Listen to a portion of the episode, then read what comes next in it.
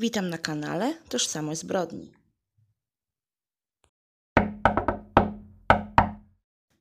Według statystyk w naszym kraju co ósma osoba podejrzana o dokonanie zabójstwa jest płci żeńskiej. W potocznym przekonaniu kobieta to istota na tyle słaba i krucha, że no nie przystoi jej pozbawianie czyjegoś życia. W rzeczywistości nie jest już tak różowo. Kobiety również zabijają najczęściej mężów, konkubentów, swoich eksów, własne dzieci, rodziców, zatem najbliższych członków rodziny. Za co? Gros zbrodni spowodowane są wieloletnią przemocą domową, rzadziej to wynik szoku poporodowego czy po prostu współczucia. Co prawda zbrodnia nie ma płci, ale w praktyce, kiedy zabija mężczyzna, jest to bardziej akceptowalne i do wytłumaczenia, aniżeli w roli sprawcy okazuje się kobieta. W takim przypadku w mediach wrze, opinia publiczna domaga się linczu, ludzie odczuwają zaskoczenie, zarazem odrazę, jak i potępienie dla jej czynu. No, trzeba przyznać, że to dobrze, że nie żyjemy już w czasach, kiedy kobiety palono na stosie.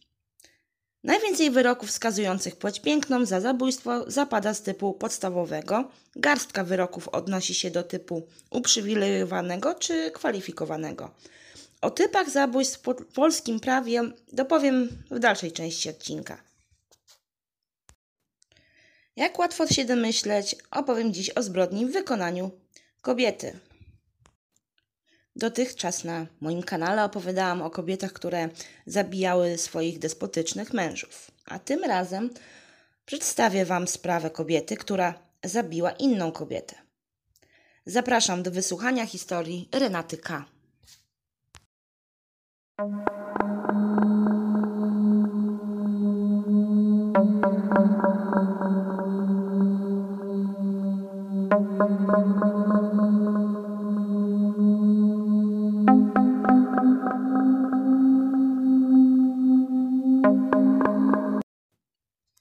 Zanim przejdę do losów głównej bohaterki, wypadałoby nakreślić miejsce akcji.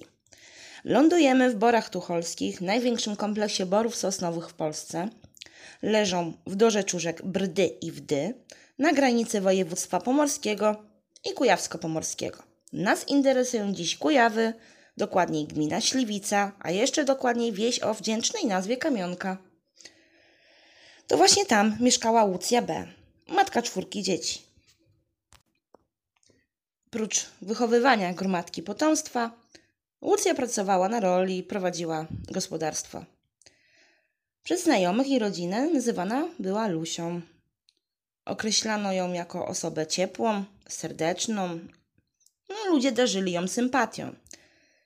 Cóż, lata mijały, dzieci dorastały i tak po latach ciężkiej pracy Łucja mogła przekazać dzieciom obowiązki związane z gospodarstwem. Jej córka Marzena wyszła za mąż i założyła własną rodzinę. Mariusz, syn, również się ustatkował, ale wraz z żoną i dwójką dzieci mieszkał w domu rodzinnym. Sławek wraz z pomocą braci budował dom dla siebie zaledwie 50 metrów obok domu mamy. Najmłodszy z rodzeństwa Łukasz był w trakcie nauki. Sławek był, no, należał do osób pracowitych, obrotnych. Zgodnie dzielił pracę zawodową z budową domu, z pomocą y, na, na polu, a z biegiem czasu dodatkowo z miłością swojego życia, jak mu się wtedy wydawało. W 2001 roku poznał drobną, acz zgrabną 17-letnią Renatę K. Dziewczyna pochodziła z rodziny wielodzietnej, dokładnie była dziewiątą z dziesiątki rodzeństwa. W szkole nie radziła sobie najlepiej i po skończeniu podstawówki zrobiła kurs fryzjerski. Na tym jej edukacja się zakończyła. Po jej 18 urodzinach zamieszkała ze Sławkiem w świeżo wybudowanym domu. Zdecydowali się na klasyczny model rodziny, to znaczy Sławek utrzymywał ich oboje, natomiast jej zadaniem było zajmowanie się domem i pomoc w gospodarstwie. Po roku wspólnego życia urodziła im się córka Weronika.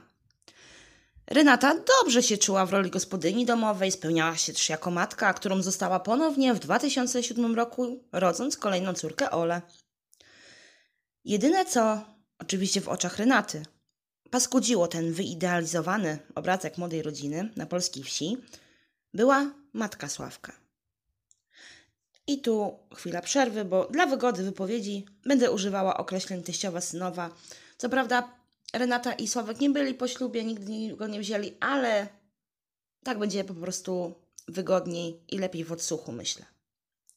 Wracając do historii. Renata ciężko znosiła jakąkolwiek krytykę ze strony teściowej. No cóż, no Łucja była stałym bywalcem w ich domu, głównie ze względu na wnuczki.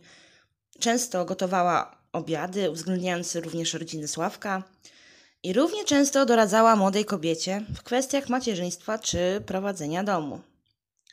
A Renacie to przeszkadzało i nie lubiła, kiedy teściowa za bardzo ingerowała w życie jej rodziny.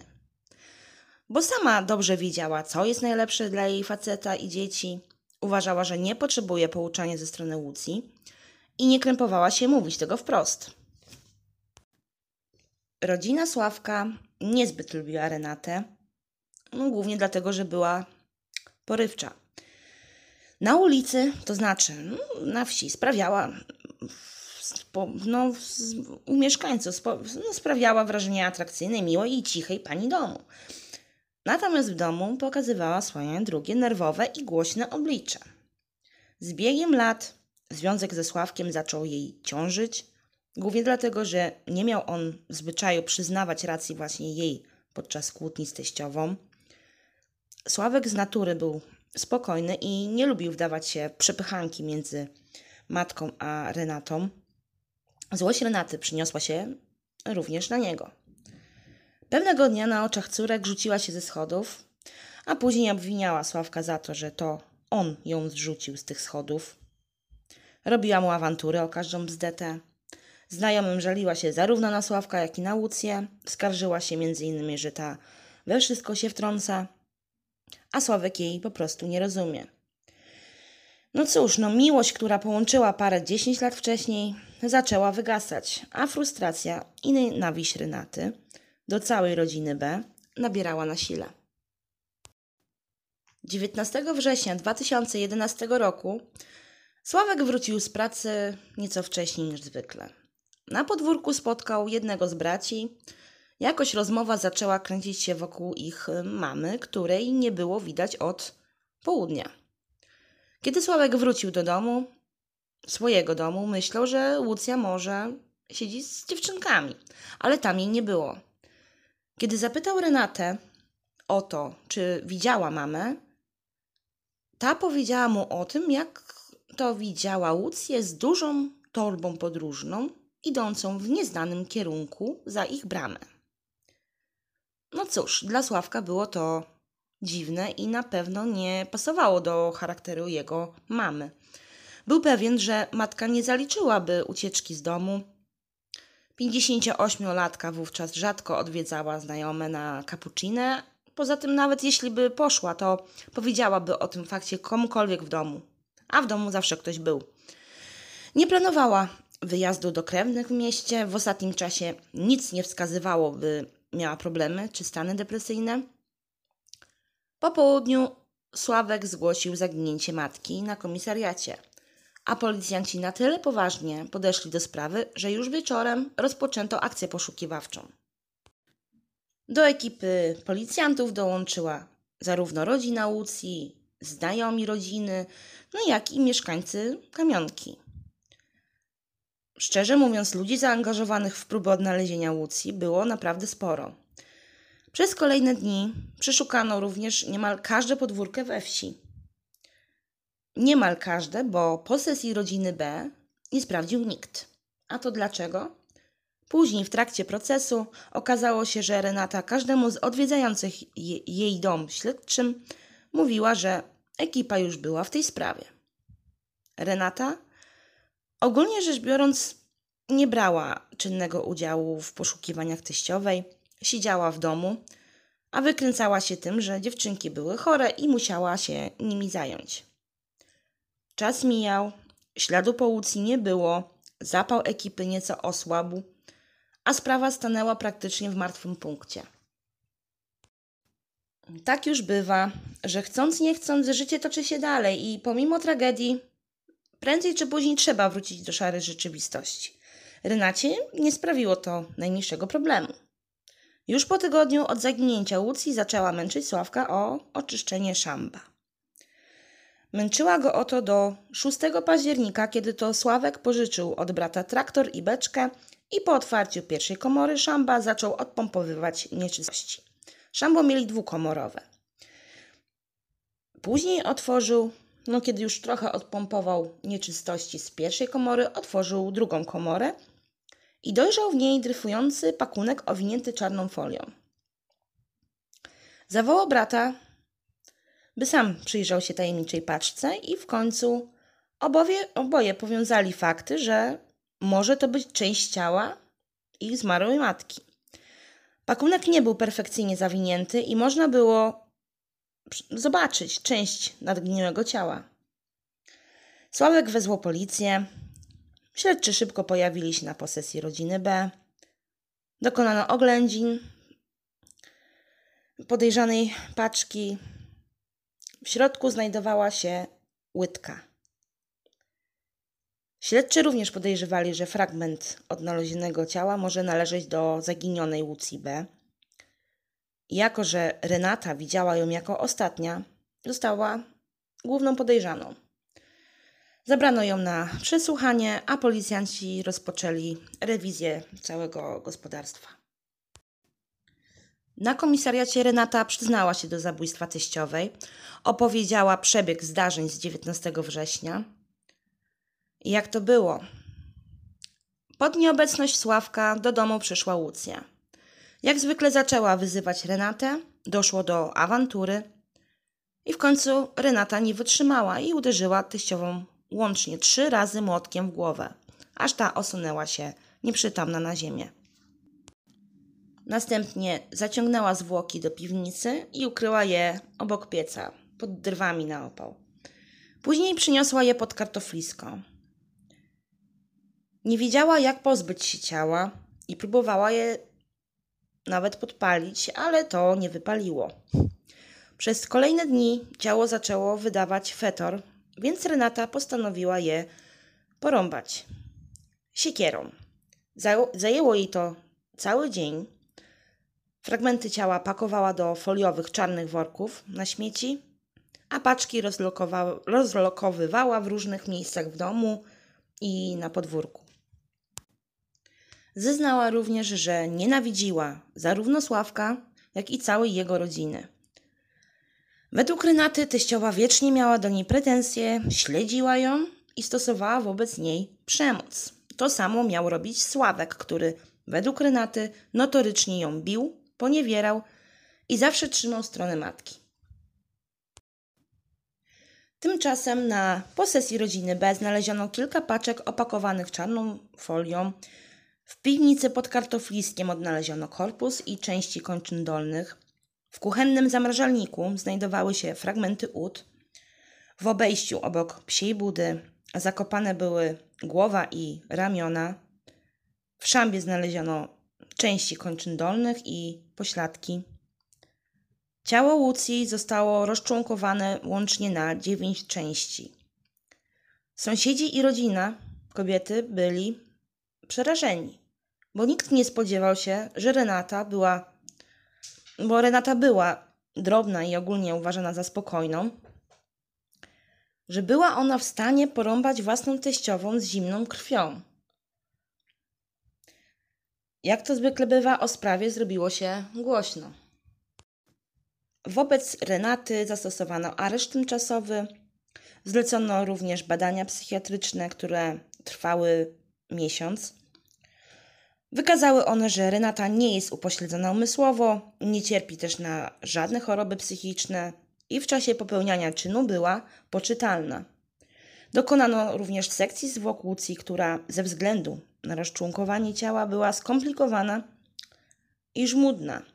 Do opinii publicznej podano jedynie lakoniczne informacje, jak chociażby to, że Wszystkie odnalezione fragmenty ciała należały do jednej osoby. Później potwierdzono, że to zwłoki Łucji, a śmierć została spowodowana przez kilkukrotne uderzenia kobiety w głowę. W czasie ćwiartowania była martwa. Na początku listopada 2011 roku Renata z własnej woli złożyła wniosek do prokuratury rejonowej w Tucholi o ponowne jej przesłuchanie. W kolejnych zeznaniach Renata zaprzeczyła, że to ona zabiła teściową i winę za ten czyn w całości zrzuciła na Sławka. Pozwolę sobie przytoczyć teraz fragmenty tych zeznań. Cytuję. W ten dzień chciałam się wyprowadzić z domu. Stałam koło Sławka i przyszła do nas teściowa. W tym momencie weszła teściowa i zaczęli się kłócić o to, że ja się wyprowadzam. Teściowa zaczęła mnie wyzywać. Powiedziałam im, że to przez nią i przez Sławka, że za dużo widziałam i więcej nie zniosę. Poszłam na górę, oni zostali sami. Słyszałam, że zaczęli się mocno kłócić w piwnicy. Gdy zeszłam, teściowa już leżała. Gdy zgłosiliśmy zaginięcie Łucji B, nikt w naszej piwnicy jej nie szukał. Gdy zeszłam do piwnicy, teściowa już leżała, ale Sławek ją podnosił i oparł o murek na siedząco. Gdy Sławek posadził teściową, kazał mi pomóc przenieść te zwłoki. Zaczęłam się na niego drzeć. Zrobiło mi się słabo. Poszłam na górę, a on poszedł za mną. Chciałam dzwonić po karetkę. Zabrał mi dwa telefony. Zszedł do piwnicy, kazał mi zejść razem z nim. Zaczął ciągnąć matkę swoją, posadził ją pod taką westfalkę i tam ją przykrył. Nie pomagałam mu przyciągnąć zwłok, bo słabo mi się robiło. Przykrył ją taką gąbką, co na dach się kładzie. Koniec cytatu. Renata zeznała również, że Sławek po zabójstwie przebrał się w piwnicy, a później, kiedy policja nie znalazła ubrań, Renata powiedziała, że Mariusz je spalił. No Mariusz, czyli brat y, Sławka. Znów y, przytoczę fragmenty zeznań Renaty. Cytuję. Prawda jest, że Sławek w ręku trzymał młotek, gdy zeszłam do piwnicy i tak pchnął nogą w moim kierunku. Powiedział, że mam go wyczyścić. Wzięłam młotek, poszłam go umyć. Sławek kazał mi też zrobić porządek w piwnicy i zaczęłam ścierać krew. Ja wykonałam wszystko, co kazał mi Sławek, bo się go bałam. Sławek po zabójstwie zjadł placki. Chyba na trzeci dzień po zabójstwie było rozczłonkowywanie. To było rano, o piątej rano. Słyszałam najpierw trzask rąbania, wstałam, ubrałam się i poszłam zobaczyć, co tam się dzieje. Zobaczyłam, że Sławomir zaczyna ciąć ciało siekierą. Koniec cytatu. Według jej zeznań, Renata po zabójstwie, zastraszona i roztrzęsiona, pojechała z córkami na zakupy do Śliwicy. W kolejnych zeznaniach, już na sali sądowej, wersja o tym, co działo się po, zab po zabójstwie, będzie zmieniać często i gęsto. Jedno się jednak nie zmieni, że do końca będzie utwierdzać w przekonaniu, że to Sławek zabił Łucję. Pomimo tego, że Sławek miał mocne alibi y, na czas zabójstwa matki, prokuratura postanowiła go zatrzymać w celu złożenia wyjaśnień. No, oczywiście po tych rewelacjach Renaty.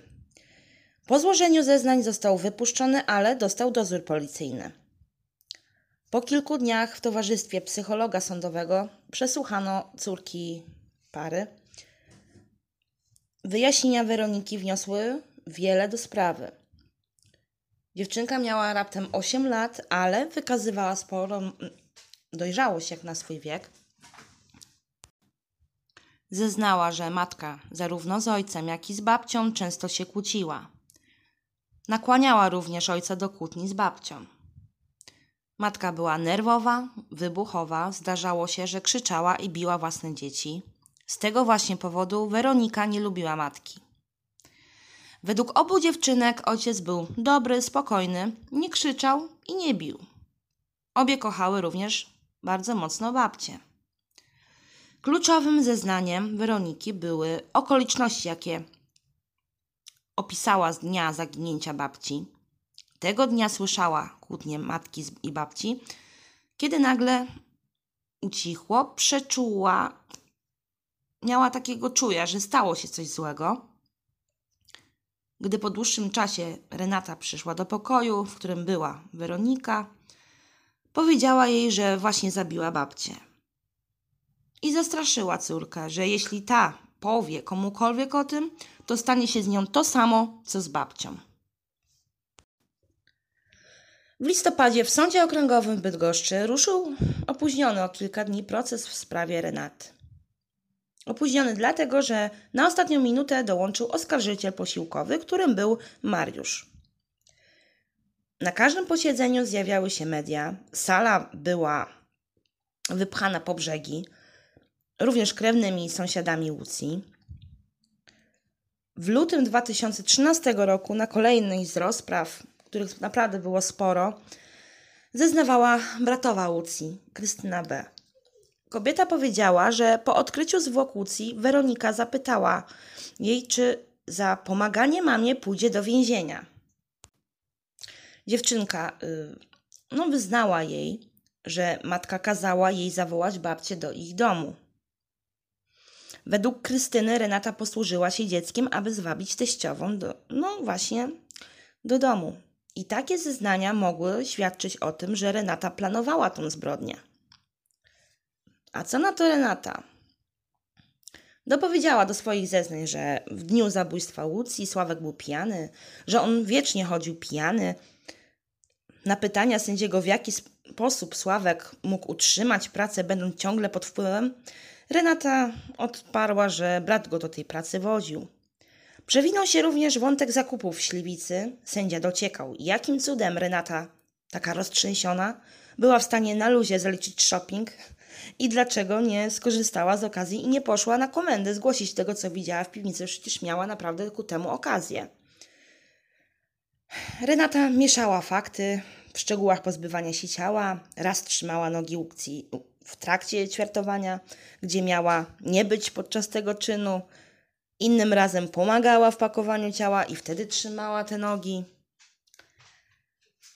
Różne były jej wersje. No można rzec, że po prostu cuda na kiju działy się na tym procesie. W kwietniu Renata zeznała, że dzień przed zabójstwem Łucji przyłapała Sławka na seksie z własną matką. W stodole. Wcześniej miała wielokrotnie widzieć ich kazirodczą kopulację w domu Łucji, również w ich domu, na dodatek na oczach Weroniki. Na pytanie sędziego, dlaczego powiedziała o tym tak późno, odparła, że zapomniała o tym wspomnieć. Co najciekawsze, nigdy więcej w swoich wyjaśnieniach nie podjęła wątku rzekomego kazirodztwa i została nawet spytana, dlaczego tak się dzieje. Nie wiedziała, po co w ogóle podchwyciła ten temat. Zlecono badania wariografem, na które zgodziła się Renata, Sławek oraz siedmioro krewnych y, Łucji. W przypadku Renaty badania należało powtórzyć, ponieważ biegły ekspert Jacek Bukowski przed badaniem nie zapoznał się z dokumentacją jej badań psychiatrycznych. Ostatecznie prób badania było trzy i Renata wypadła w nich pozytywnie. Media szalały, że Renata oszukała wariograf. Wow, taki z niej MacGyver. No cóż, no, taka cena sławy. Do ogłoszenia wyroku przymierzano się również trzy razy. Raz jeden z biegłych miał urlop, za drugim razem, kiedy prokurator i obrońca wygłosili już mowy końcowe, sędzia wznowił proces, by Renata odniosła się do nagrań z wizji lokalnej miejsc odnalezienia paczek. Kolejna rozprawa przyniosła jedynie kolejne wersje zdarzeń wymyślane przez Renatę.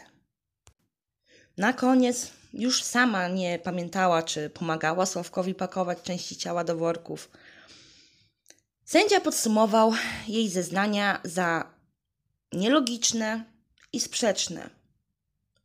10 grudnia 2013 roku nareszcie ogłoszono wyrok. Obrońca żądał uniewinnienia, natomiast prokuratura wnosiła o 25 lat więzienia. Renata została skazana na taki wymiar kary, o jaki wnosiła prokuratura.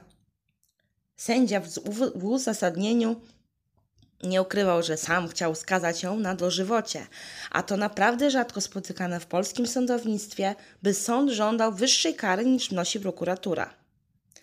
Renata została uznana za winną zabójstwa Łucji, a typ jej czynu uznano za zabójstwo typu kwalifikowanego. Jak pamiętacie, na początku powiedziałam, że dopowiem nieco o typach zabójstw, bo mają one znaczenie chociażby w wymiarze zasądzanych kar.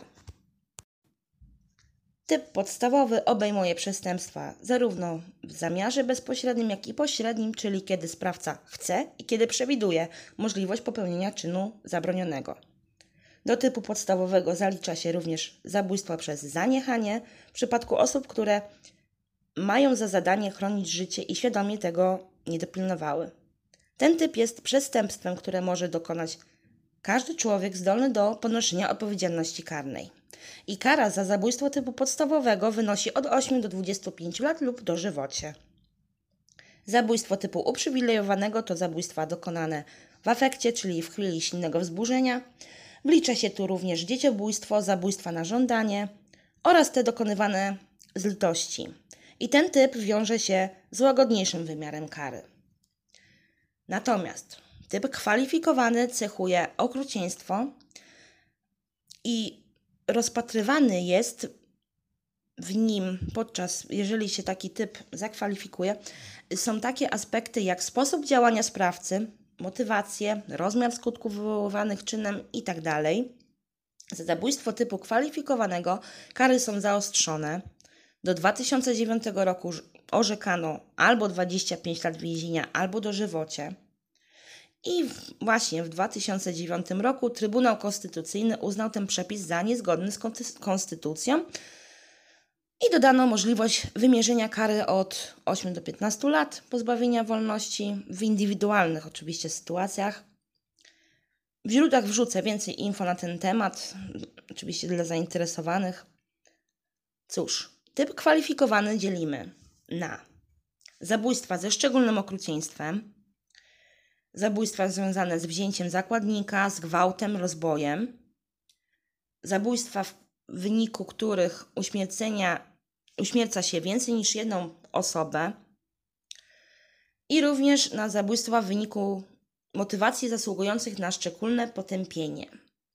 I właśnie z tej kwalifikacji była sądzona Renata.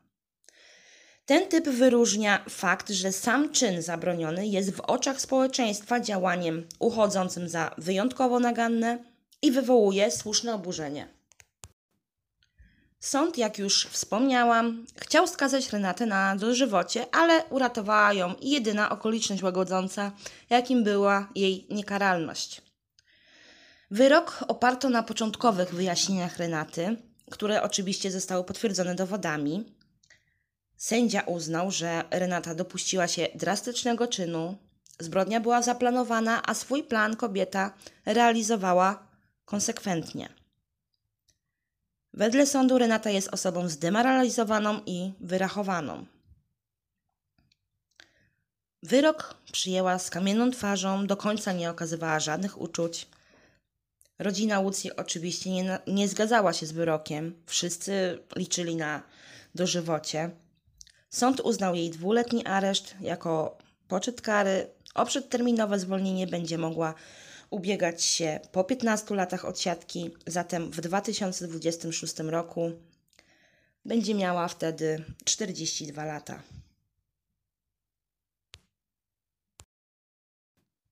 I na tym zakończę dzisiejszą historię. Jestem ciekawa waszych, waszego zdania na temat dzisiejszego odcinka. Standardowo chciałabym podziękować za suby, za komentarze, za dobre słowo. Hmm, witam w nowym roku. Nowy rok, stara ja. I cóż, co już mogę Wam jeszcze powiedzieć? No do usłyszenia.